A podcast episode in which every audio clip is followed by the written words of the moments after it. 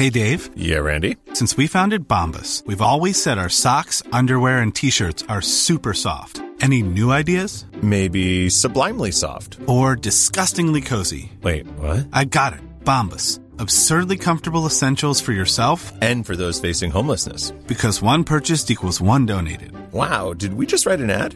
Yes. Bombas. Big comfort for everyone. Go to bombas.com slash ACAST and use code ACAST for 20% off your first purchase. It's that time of the year. Your vacation is coming up. You can already hear the beach waves, feel the warm breeze, relax, and think about work. You really, really want it all to work out while you're away. Monday.com gives you and the team that peace of mind. When all work is on one platform and everyone's in sync, things just flow wherever you are. Tap the banner to go to Monday.com. I'm Sandra, and I'm just the professional your small business was looking for. But you didn't hire me because you didn't use LinkedIn jobs. LinkedIn has professionals you can't find anywhere else, including those who aren't actively looking for a new job but might be open to the perfect role, like me. In a given month, over 70% of LinkedIn users don't visit other leading job sites. So if you're not looking on LinkedIn, you'll miss out on great candidates like Sandra. Start hiring professionals like a professional. Post your free job on linkedin.com/people today. Det här är Paparazzi, en podcast där vi går in på detaljer om kändiskvaller och populärkulturella nyheter. Ja, vi kommer att prata om allt du vill veta och allt du inte ens visste att du ville veta om kändisar. Jag heter Max. Och jag heter Michelle.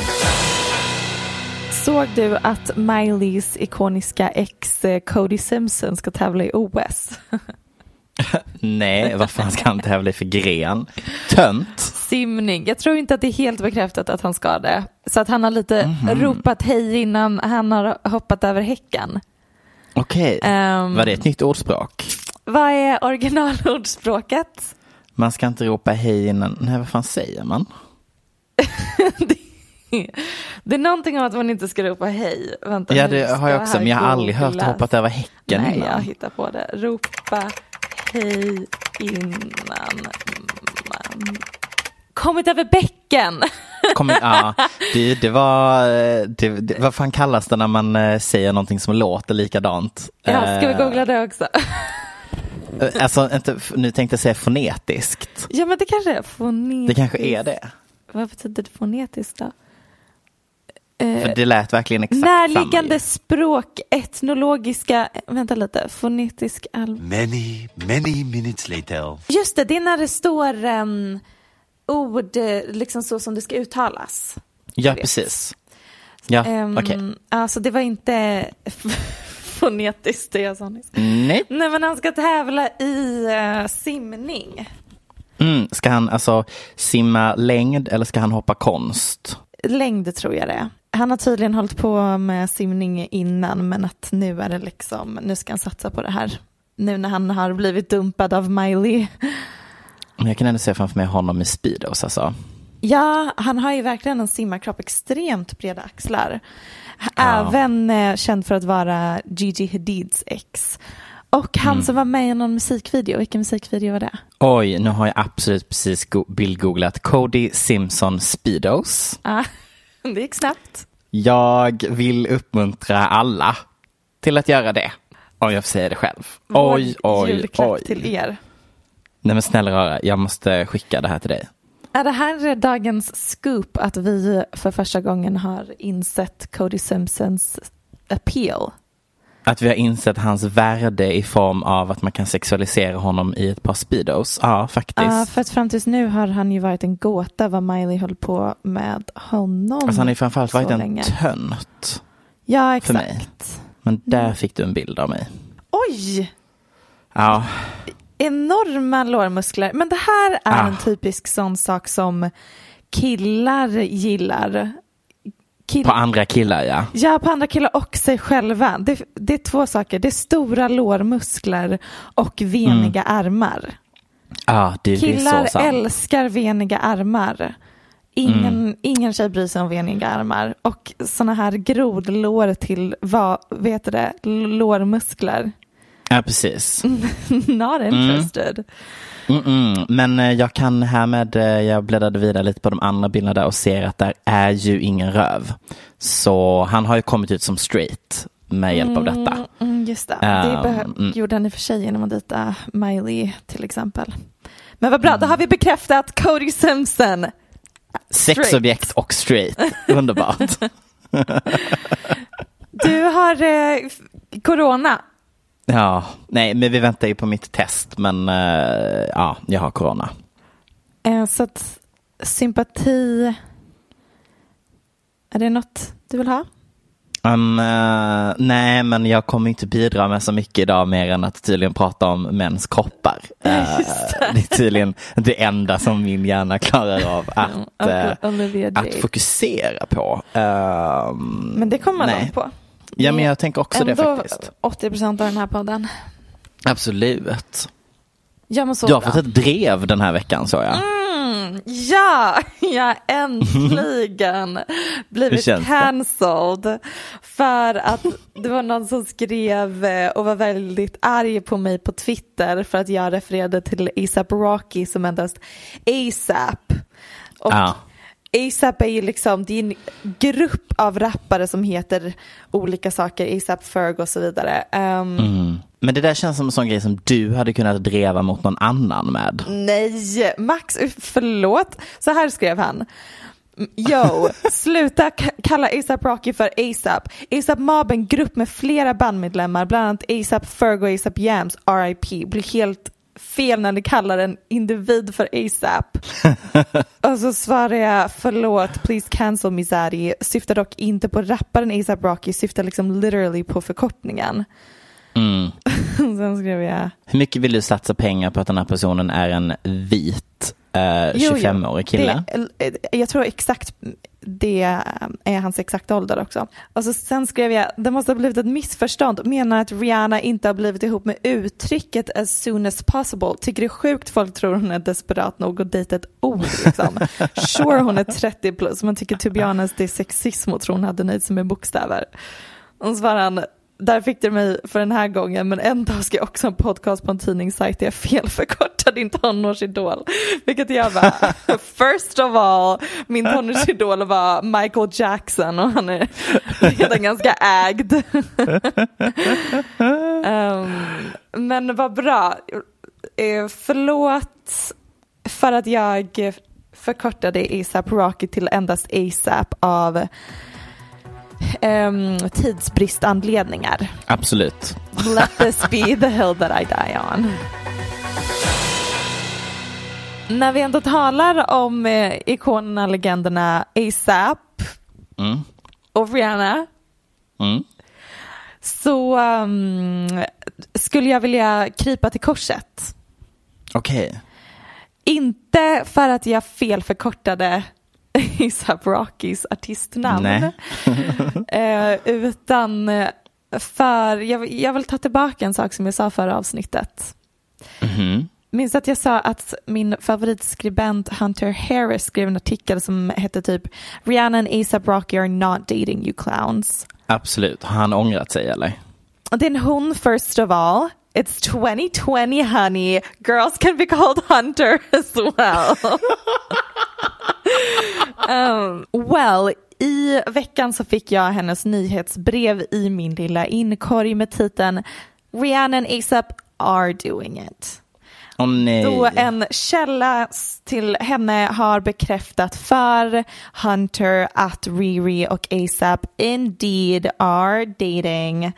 Mhm. Och de började ses liksom på riktigt. De har vänner, varit vänner så länge som jag gjorde tydligt i förra avsnittet men att de började dejta mer som ett par när han var med i hennes kampanj för Fenty Skin.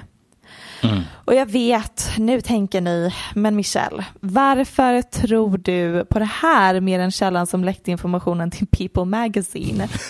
Och till er vill jag säga att allt går inte att motivera med logik här i världen.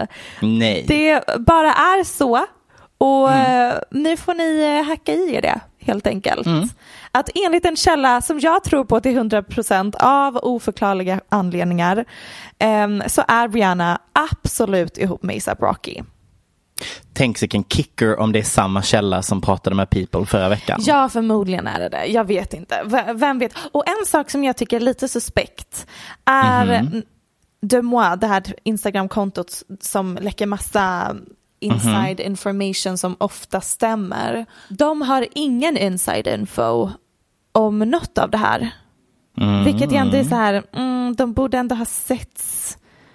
Eller någon som känner någon som känner någon borde ha läckt det så att det hamnar på De Moi innan det hamnar på People Magazine för att det är så allt skvaller fungerar nu för tiden. Jag, jag hade föredragit att Rihanna var ihop med hennes ex, men Hassan Jamil, men det är också lite mysigt att hon liksom blir ihop med sin bästa kompis som eh, känns underordnad henne. Det har Mm. också något. Det tycker jag att ni alla kan lyssna på förra veckans avsnitt också och höra Michelle Hallströms take på förhållandet då. Och sen hoppa tillbaka hit eh, vadå, då? typ sju dygn senare och eh, nu tycker vi då att det är mysigt. Ja, eh, sure. Men jag Sure. har glömt allt jag sa. Ja, Allt, allt jag säger i den här podden är preskriberat. jobbigt att inte är det i etern. Ah, ja.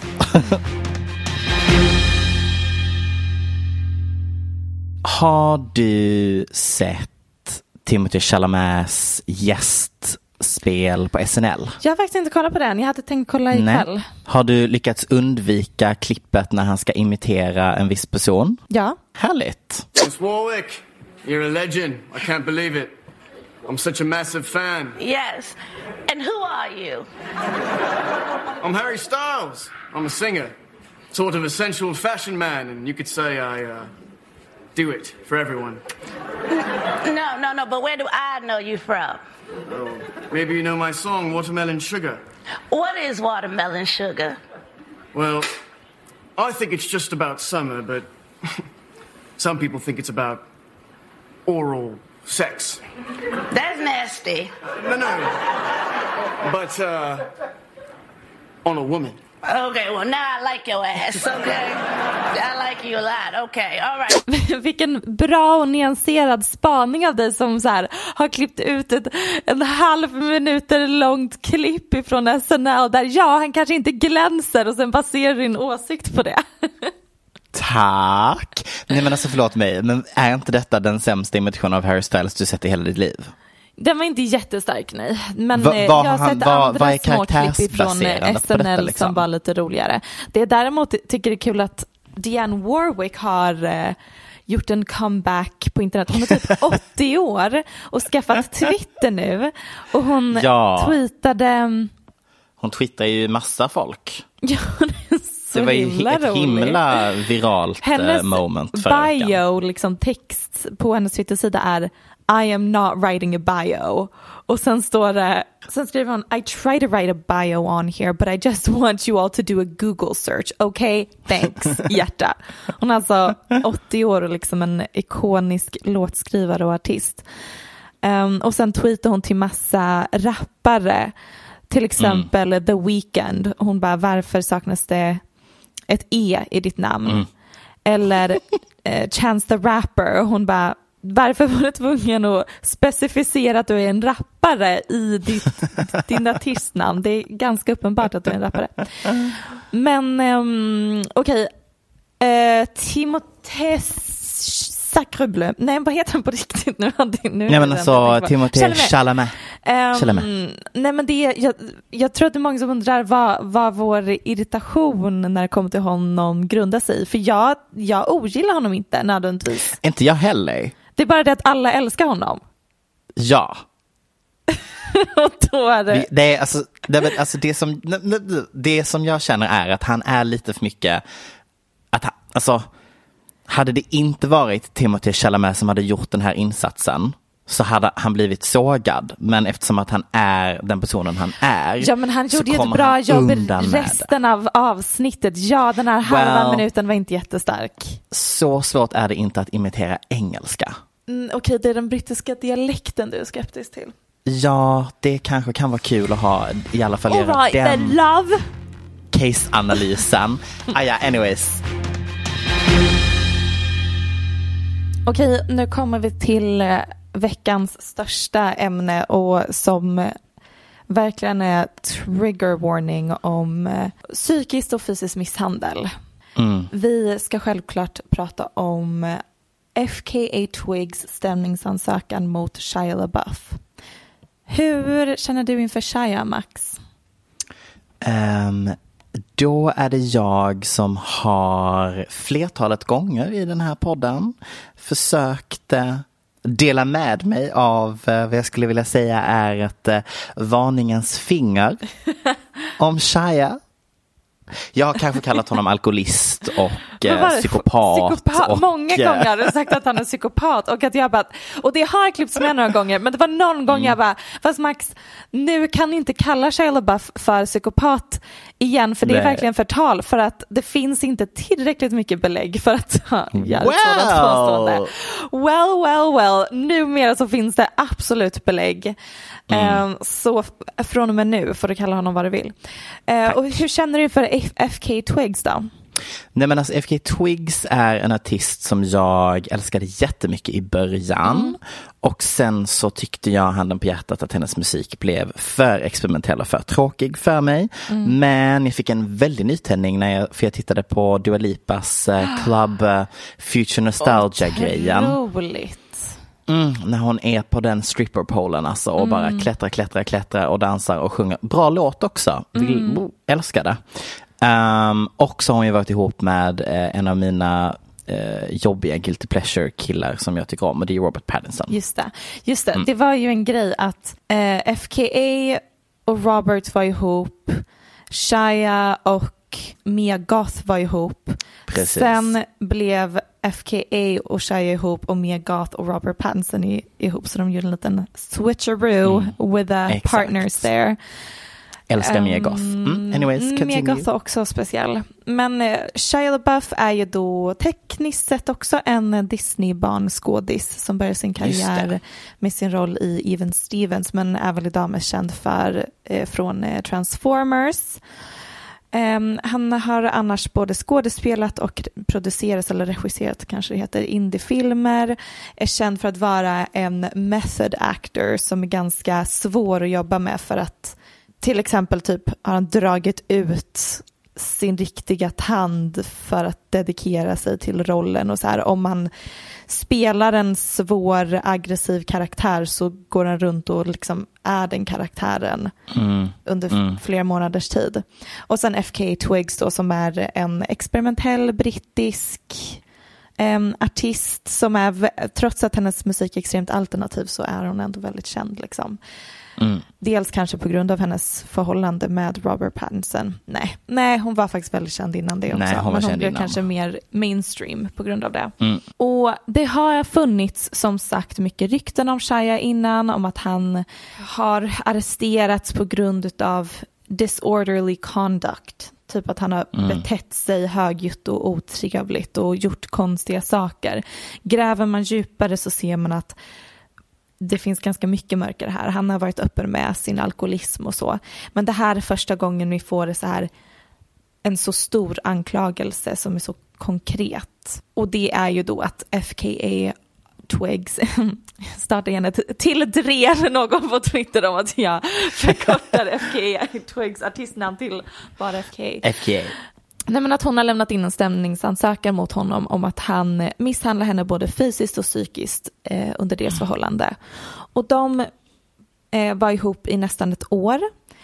Han är 34, hon är 32. De träffades när hon fick en roll i hans självbiografiska film Honey Boy som han själv regisserade och i början var han extremt kärleksfull och det här är enligt experter en manipulativ strategi som många misshandlare, misshandlare använder sig av. Att skapa en eh, honeymoon face som sätter ribban så högt att offret i förhållandet håller sig fast i hopp om att de ska kunna återgå till fasen som var så perfekt. Liksom. Det är en väldigt vanlig em, manipulativ strategi.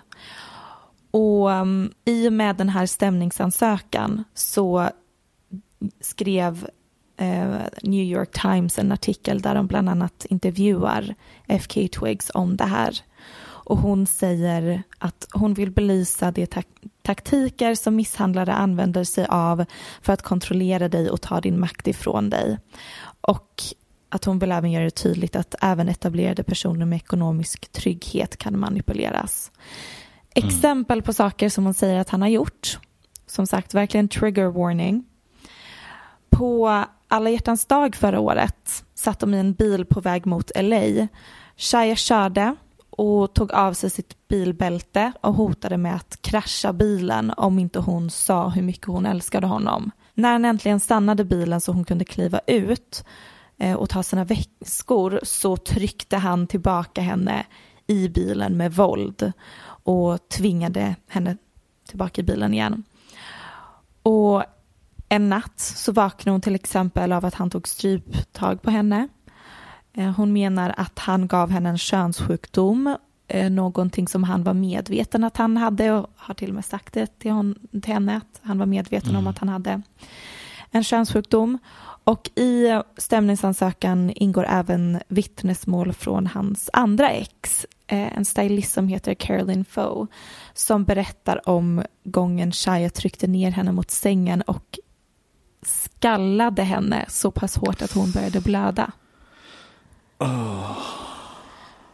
Och när The New York Times skulle dela den här artikeln eller publicera artikeln så kontaktade de honom och han svarade via mail att det inte finns några ursäkter för hans alkoholism och aggressionsproblem. Att han har varit destruktiv mot sig själv och de runt omkring honom i flera år. Han skäms över hans förf- förflutna och ber om ursäkt till dem han har skadat. Vilket är, to be honest, en ganska bra ursäkt vilket säger ganska Mm. mycket om hur bra han är på att manipulera. Du, jag skulle precis säga det. Det är en riktig så här läst in typ exakt hur han ska uttrycka sig Mm. 2020 för att varken göra bu eller bä.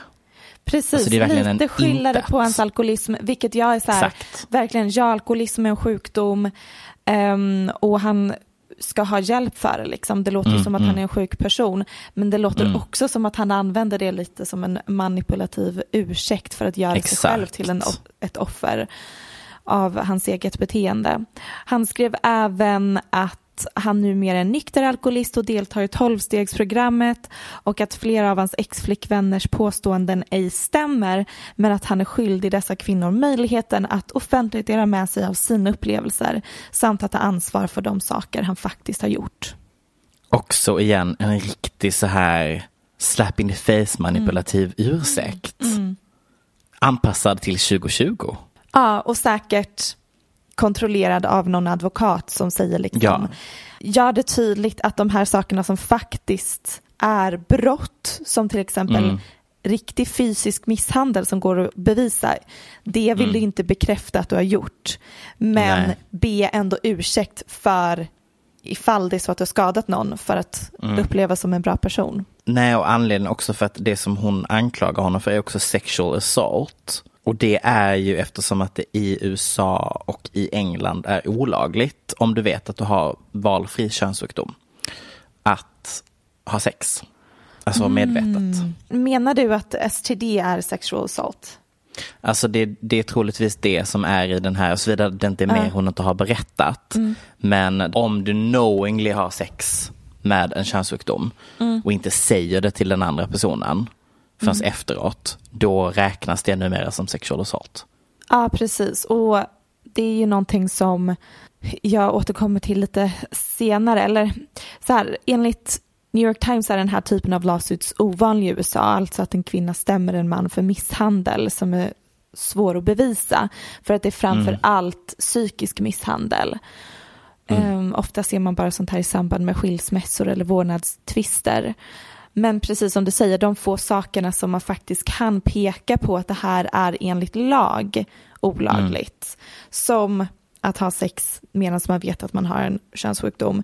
Eller liksom de här fysiska altercationsarna som till exempel när de var ute och åkte bil i LA. Jag vet inte om hon har använt det som en cen- central punkt Mm. i stämningsansökan just för att hon vet att det här kan jag bevisa för att andra såg det till exempel. Sen Mm. har han säkert gjort annat, annan form av psykisk misshandel men det är så mycket svårare att, eh, göra det till en central del av en stämningsansökan. Ja, precis. FK förklarar att hon inte anmält misshandeln först för att hon inte ville vara ansvarig för att förstöra hans karriär och sen på grund av rädslan för att bli missförstådd. Eh, hon tänker att ingen kommer tro henne för att hon är en okonventionell person of color. Och jag tänker liksom okonventionell som i att hon är ju liksom en eh, alternativ, lite konstig artist som Ja. har på sig knäppa kläder och håller på med pole dancing. Vilket Ja. jag ändå tyckte var... Man, man förstår hur tanke, hennes tankar gick. Liksom.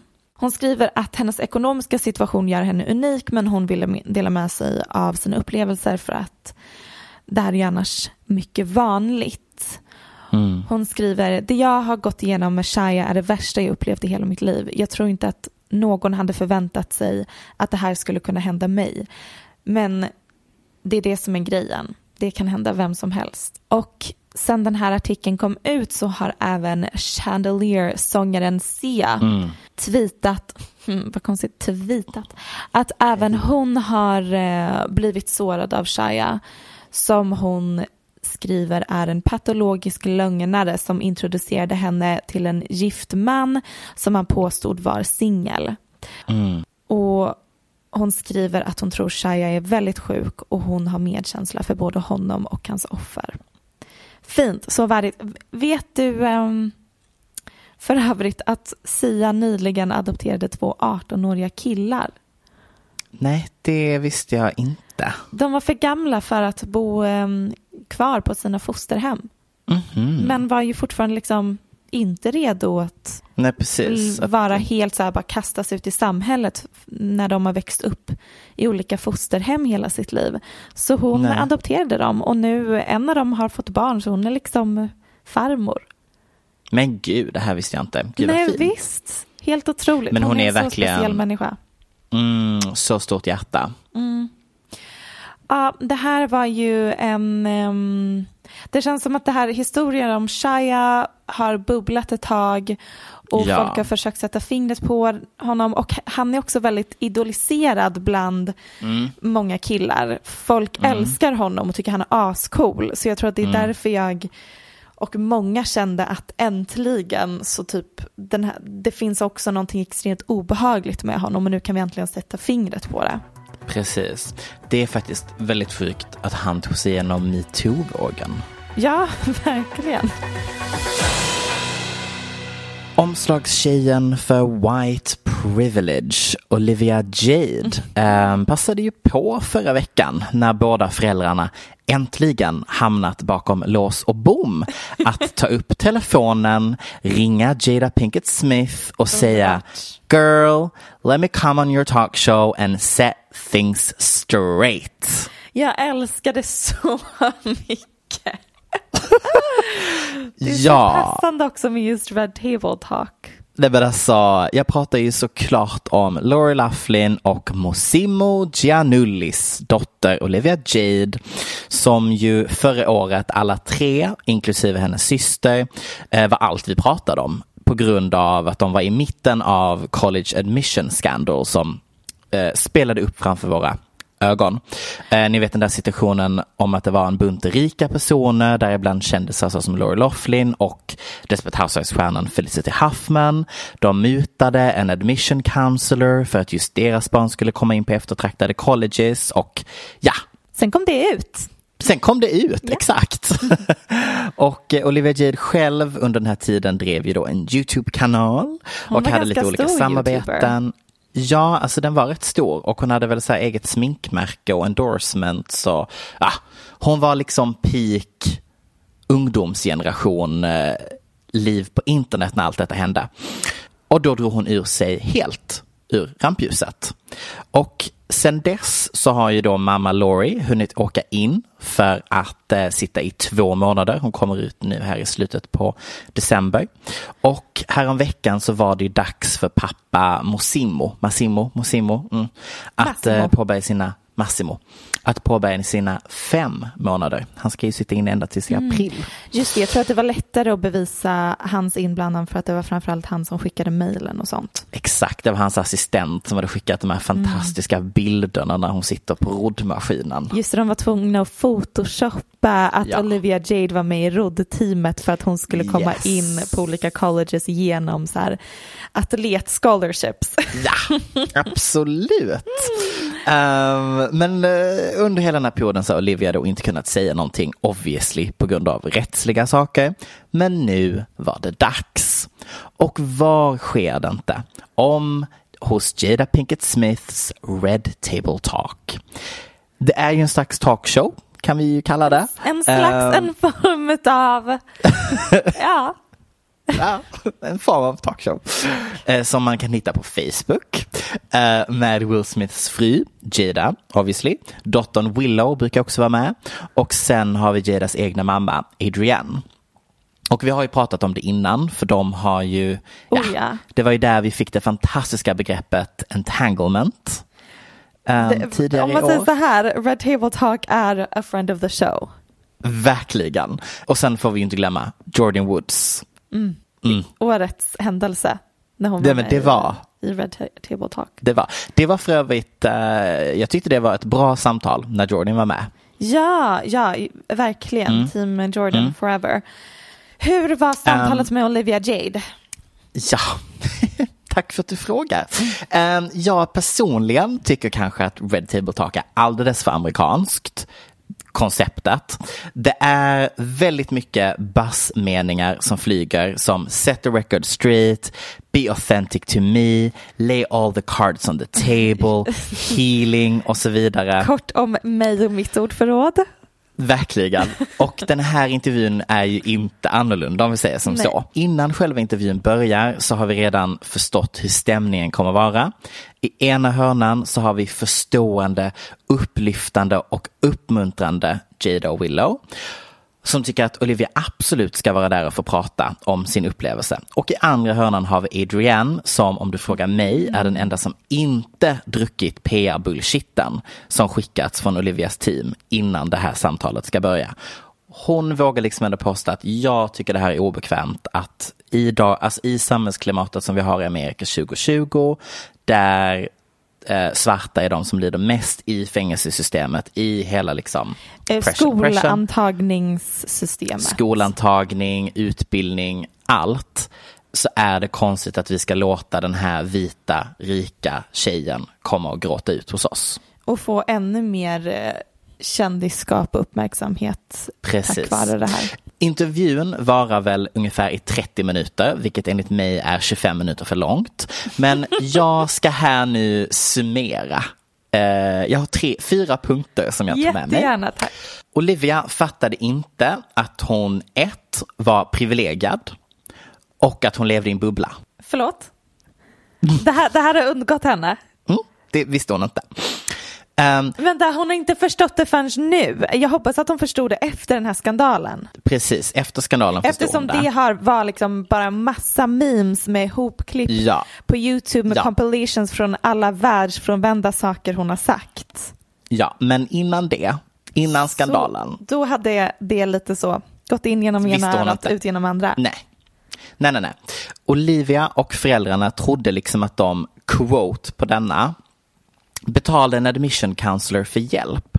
För sånt gör ju alla. To be fair, så i hennes värld så är ju hon ju inte mer privilegierad än någon annan Nej. som hon känner för att det är ju så här det funkar när många Exakt. rika barn försöker komma Ja, ja, på ja. colleges. Då, men, och det här pratar vi om innan, det de flesta föräldrar gör då är att betala för en byggnad på skolans campus. De gör, och det är ju lagligt att göra det. Eller Ja. erbjuder att donera massa pengar till skolan medan just det här sättet de fick in Olivia Jade på, det är olagligt. Och sen så säger hon, jag vet, ah, det var ju ett misstag. Aha. Och sist men inte minst, det som hela intervjun trycker mest på är att nu vill hon ge tillbaka. Hon vill hjälpa. I'm not trying to victimize myself. I don't want pity. I don't deserve pity. We messed up. I just want a second chance to be like, I recognize I messed up. Right. And for so long, I wasn't able to talk about this because of the legalities behind it. I never got to say, I'm really sorry that this happened, or I really own that this was a big mess up on everybody's part. But I think everybody feels that way in my family right now. Do you understand why um, different people in the community would be upset? Do you have any understanding of I- why I would be upset at, at your being here and, and what you all did? There is so much devastation, particularly this year, 2020, with the pandemic and everything being brought to the table, just how there's so much um, Inequality. uh, yeah, inequality and inequity. Um, that when you come to the table with something like this, it's like, child, please. Right. Mm-hmm. When I was on YouTube, it was so, well, just come along with my world. Like, see where I'm at. Let's just go for my journey. Right. And I, now when I go back, I just want to make it very clear and very aware, like, oh, shit, there are big problems going on in the world Yep. that are outside my bubble. And I'm so comfortable that I don't have to go outside of it. Right. So it's making that change of like, yeah, you could sit where you are and it wouldn't affect you. But how much better of a person would you be if you used your blessings to help somebody else? Nej men alltså ordet misstag, Michelle, det tar aldrig slut. Alltså hon säger det om och om och om. Det, alltså det är det enda hon säger. Så fort de ska säga någonting så säger hon, ja nej men alltså när jag insåg att det var ett misstag. Och det hon menar när hon säger misstag är ju misstaget att de blev påkomna. Ja, Det är ju inte ett genuint misstag att de råkade betala pengar till en shady kille. Alltså, det vet ju vi om, vi som liksom och sitter jag tror också utifrån. att det är lite, jag minns inte exakt om det var i deras mejl eller om det var i andra kändisens mejl, men att det var så här att de verkligen ställde frågor, kommer vi bli ko- påkomna, är det här okej? De, man förstår väldigt tydligt att de här föräldrarna visste att det här var ju inte helt Precis. acceptabelt. Hela intervjun känns mest som en enda lång PR-saga med hur hon då har vaknat upp och liksom nu ska ge tillbaka och hon vill inte bara ge pengar till en välgörenhet utan hon har åkt till en skola och, och varit med barn och, och hjälpt dem och inser att hon har tagit det här för givet när hon växte upp med så här utbildning och att inte alla kan ha utrymme att läsa läxor och Alltså, den är, det, det är väldigt, Ja. väldigt fine-tuned. Jag kan tycka typ att det var rätt att det är det här som blir hennes första samtal om det. Eftersom att det ändå är i ett forum med Eftersom att det, är, det handlar ändå om någonting som väldigt mycket påverkar svarta kroppar och därför tyckte jag att det var väldigt, det var ju bra att hon var där för att få det perspektivet. Men det händer liksom inte. Alltså det samtalet kommer aldrig igång, förutom när Adrian säger det precis i början.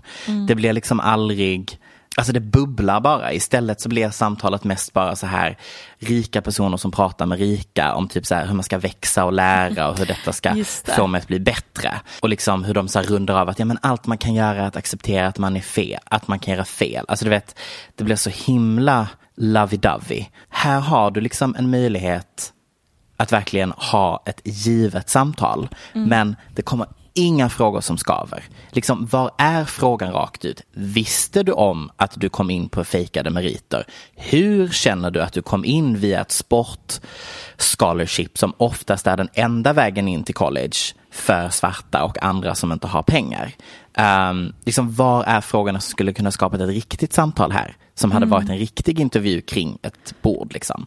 Men istället fick jag känslan av att det bara var en öppen stödgrupp för Olivia Jades känslor kring att hon så här, inser misstaget och känner att hon ändå bör få en chans till. Och jag läste i veckan en oerhört bra rant på Instagram från Go Kid Go, tror jag hon heter på Instagram. Mm. Just på temat intervjuformat 2020 och hur det liksom typ har dött.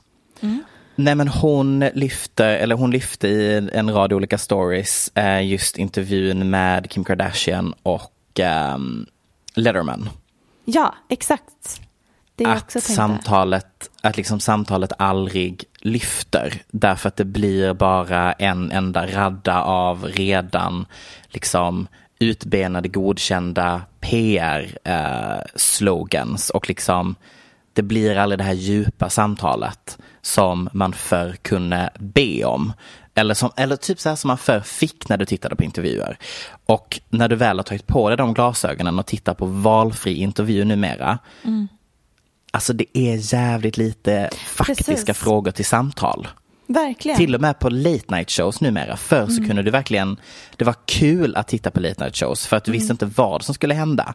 Men nu är allting så vettat och det är ju ett manus innan de sätter sig, det vet ju alla numera. Precis. Um, och det, manus var det ju säkert innan också, men skillnaden är att innan så var det ju det enda sättet för en artist att promota ett album eller en film var ju om de fick vara med i tv, så då var ju de tacksamma för möjligheten och ville göra det bästa av möjligheten.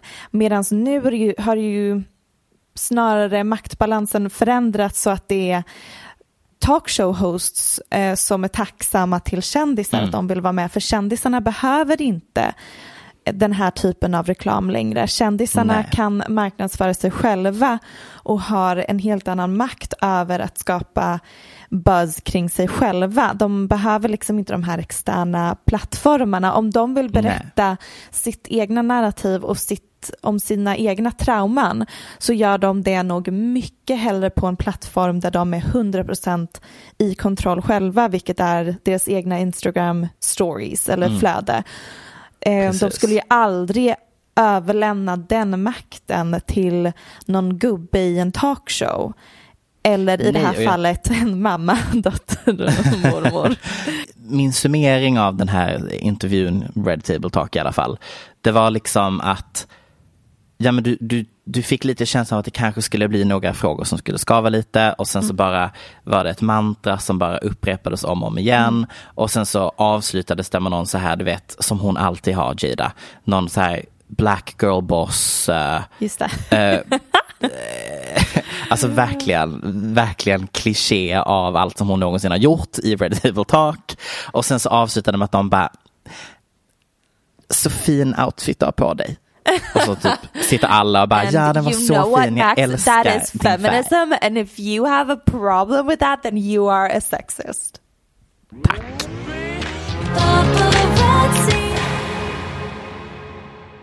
Har vi pratat tillräckligt mycket om att Jackie Chan var min största barndomscrush?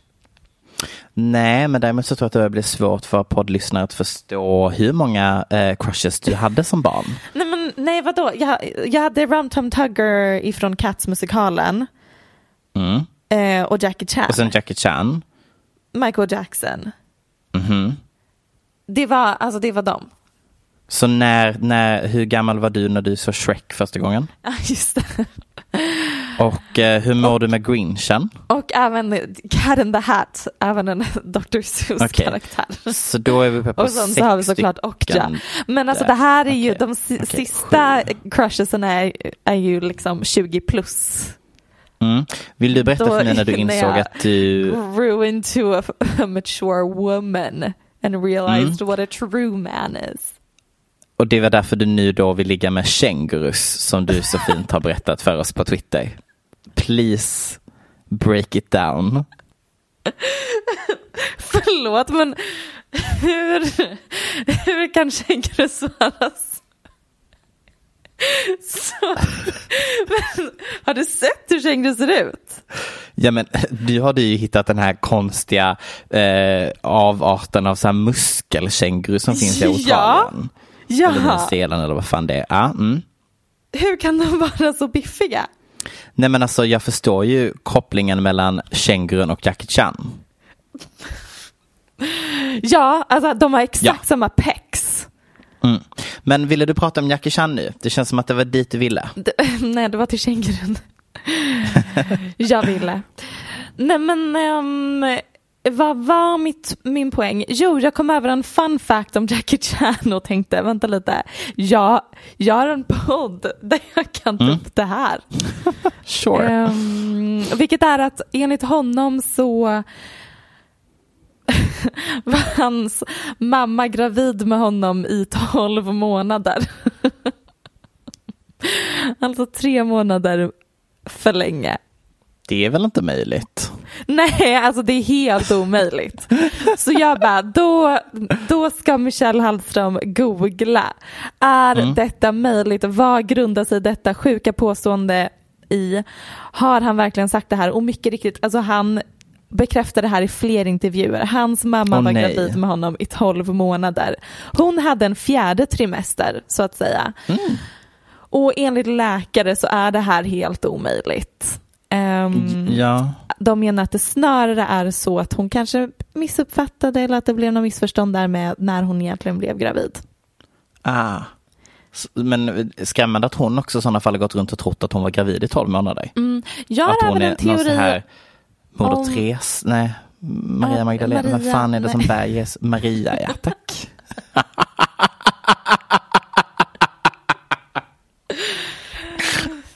Ja, god, jul. Jag, nu när jag ändå googlade Jackie Chan Mm. för tusende gången i mitt liv Absolut. så eh, kom jag över hans eh, lilla familjesituation. Vilket är Ah. att han har en son som är 38 nu. Och jag bara, gud vad nice att vara Jackie Chans enda son Mm. för att han kommer bli stenrik för Jackie var liksom världens högst betalda skådis i så många år i rad. Mm. Men så har Jackie tydligen sagt någonstans att hans son inte kommer få några av hans pengar. Han kommer ge bort allt till välgörenhet för att han säger att om hans son är kompetent nog så kan han tjäna sina egna pengar och om han inte är kompetent nog så kommer han bara slösa mina pengar. Alltså, ehm, Harsh. men också jävligt sant. Ja precis, det är inte riktigt samma mentalitet som Olivia Jades föräldrar. Nej, nej de körde någon annan variant där. Jag hade velat se en intervju med Jackie Chan eh, som ifrågasätter Olivia Jade. Vill du veta hur det har gått för Jackies son? Ehm, han har säkert blivit mångmiljonär. Fruktansvärt dåligt har det gått för Jackie Chans son. Han Okej, är ja, 38 nej, okej. och hamnar typ i fängelset för eh, att han hade weed på sig i Kina, vilket är så här a big no-no.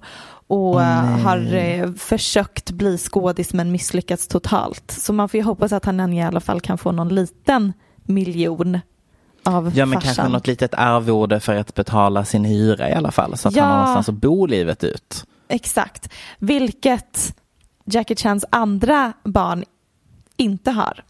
Han Nej. fick ju då en eh, dotter med en kvinna som han var otrogen med som var så här någon skönhets, eh, vad heter det, pageant. Mhm, mhm. Ni vet. Skönhetsdrottning. Där har vi det, tack. Mm. Ehm, han fick barn med en sån.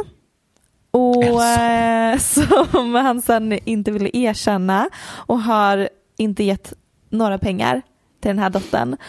Mm. Som nu har blivit någon slags oklar influencer, blivit ihop med någon oklar influencer. Hon är lesbisk och menar att båda deras familjer har klippt kontakten med dem och att de nu har hamnat på gatan på grund av deras familjers homofobi.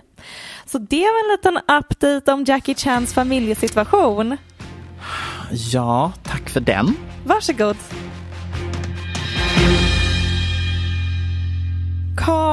Kardashians Mm. slash Jenners, Kardjenners Mhm. som eh, vissa kallar dem, Kardashians som andra kallar dem. Um, tji fick vi när vi trodde att de skulle bli normala och sluta vara realitystjärnor. Nu ja, att de skulle tacka nej till en, en fet check varje månad för att ha sina ansikten på tv. Mm. How stupid could we be? vi blev så ägda. Verkligen. Vi trodde ju att nu är Keeping Up With The Kardashians, det skulle sluta sända, sista säsongen kommer sändas nästa år. Mm. Och sen i veckan så annonserar de något nytt multi-year samarbete med Disney slash Hulu. Slash star. Precis. Det Mm. där är... Nej men alltså, nej. Nej men eh, det var ju, anno, alltså annonseringen kom ju därför att Disney hade sin sån här Presskonferens. ja, men, mediadag. När de så här, här är det vi siktar på de, det kommande året. Liksom. Eh, de kommande åren. Mediadag. Och då var ju detta, vad sa du? Me mediadag. Presskonferens. Tack. Nej, men de kallade det något så här töntigt, Disney Innovation eller eh, Bull whatever, det var inte det jag skulle säga. Men då i alla fall så lanserade de en ny internationell variant av Hulu. Och det är Hulu. uh, Hulu. Och det är ju samband med detta som Kardashian då, jag antar ska bli någon form av flaggskepp. Ah, exakt. Det känns som att de gör någon slags storsatsning. De eh, annonserade massa olika projekt och nya Fruktansvärt Star mycket Star Trek. och Marvel och hit och dit. Oj, katt att jag sa Star Trek. Menar du Star Wars? Ja.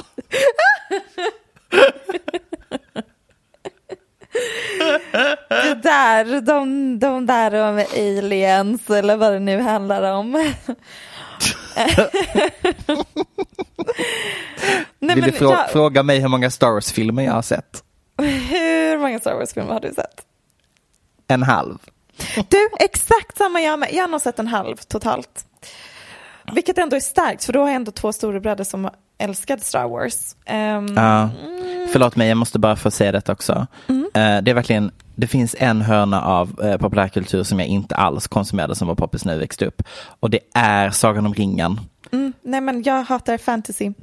Don't ask, don't, den enda fantasyn jag tittade på när jag växte upp är liksom Harry Potter. Mm, jag kollar inte ens det på var det.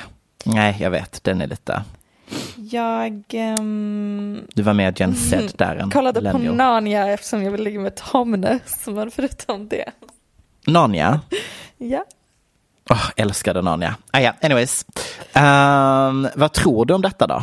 Nej men jag vill bara först säga, när jag först såg det här så tänkte Mm. jag Hulu, det kan man inte konsumera i Sverige eller Europa och då fattar Nej. jag, eller har förstått nu att Hulu ägs av Disney, det är ju då en Ja. streamingtjänst likt Net- Netflix och nu så kommer Disney Samtidigt som de, Disney Plus är en ny grej, samtidigt som de har Hulu så kommer de släppa Star som blir som Mm. en internationell version av Hulu, vilket jag bara, bara, Mm. bara använder er av samma himla streamingplattform, era töntar. Nej men det ska de. Så Star kommer liksom ligga i Disney Plus. Som Men en kall, bara skaffa samma streamingtjänst. Men det är som en vuxenkanal inne i Disney Plus. I alla fall, där kommer Kardashians vara med. Vi vet inte exakt vad det innebär. Nej. Ehm, jag tänker att det är inte omöjligt att det blir mer som att de är executive producers av lite olika program som framförallt Chloe har varit för typ Twisted Sisters, Revenge Body. Mm. Kim kanske får något eget program om USAs rättssystem, någon så här legally blonde Kardashian-grej. Hon blir nya Judge Judy. Oh my fucking god, I would love that. Gud, jag kan verkligen inte Verkligen tänka mig något värre. At me. Jag har så många Jag- idéer. Chris Jenner, nya. Dr. Phil. Hemskt. Hemskt. Hemskt. Nej, jag vill jag- bara ha dem i det gamla formatet. Du talkshow det? tror jag säkert att de kan ha. Mm, jag tror att det kommer Ja, att bli, jag- Chris vill ha en talkshow. Mm. Hon har ju redan haft det, men den gick inte så bra. Ja, Det var ju... Och jag tror att det Ja. kommer säkert bli också någon bara fortsättning av Keeping Up med Kardashians, men lite mer streaminganpassat och Mm. kanske lite mindre i entertainment 2007-vibe, utan lite mer modern streaming-vibe. De kommer ju absolut byta namn till The Kardashians. Ja, vad bra. Mark my words. Vi är sådana spanare. Absolut. Sparkar in öppna dörrar. Hade du något mer du ville säga om Kardashians? Jag har mycket jag vill säga om Kardashians, men det var, vi nöjer oss nog där för idag. Mm.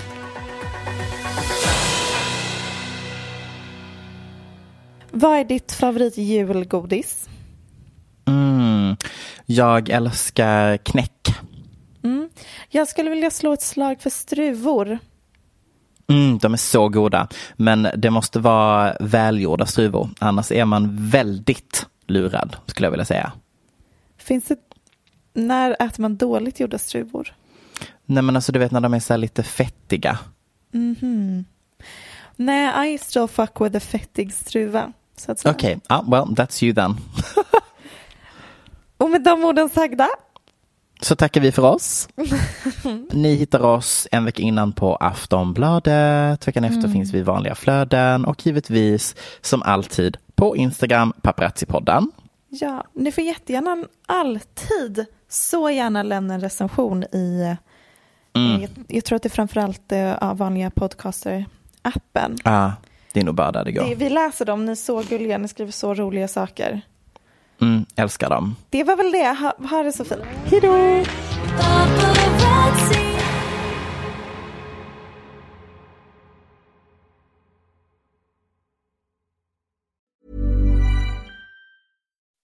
When you make decisions for your company, you look for the no-brainers. If you have a lot of mailing to do, stamps.com is the ultimate no-brainer. Use the stamps.com mobile app to mail everything you need to keep your business running with up to 89% off USPS and UPS. Make the same no-brainer decision as over 1 million other businesses with stamps.com. Use code PROGRAM for a special offer. That's stamps.com, code PROGRAM.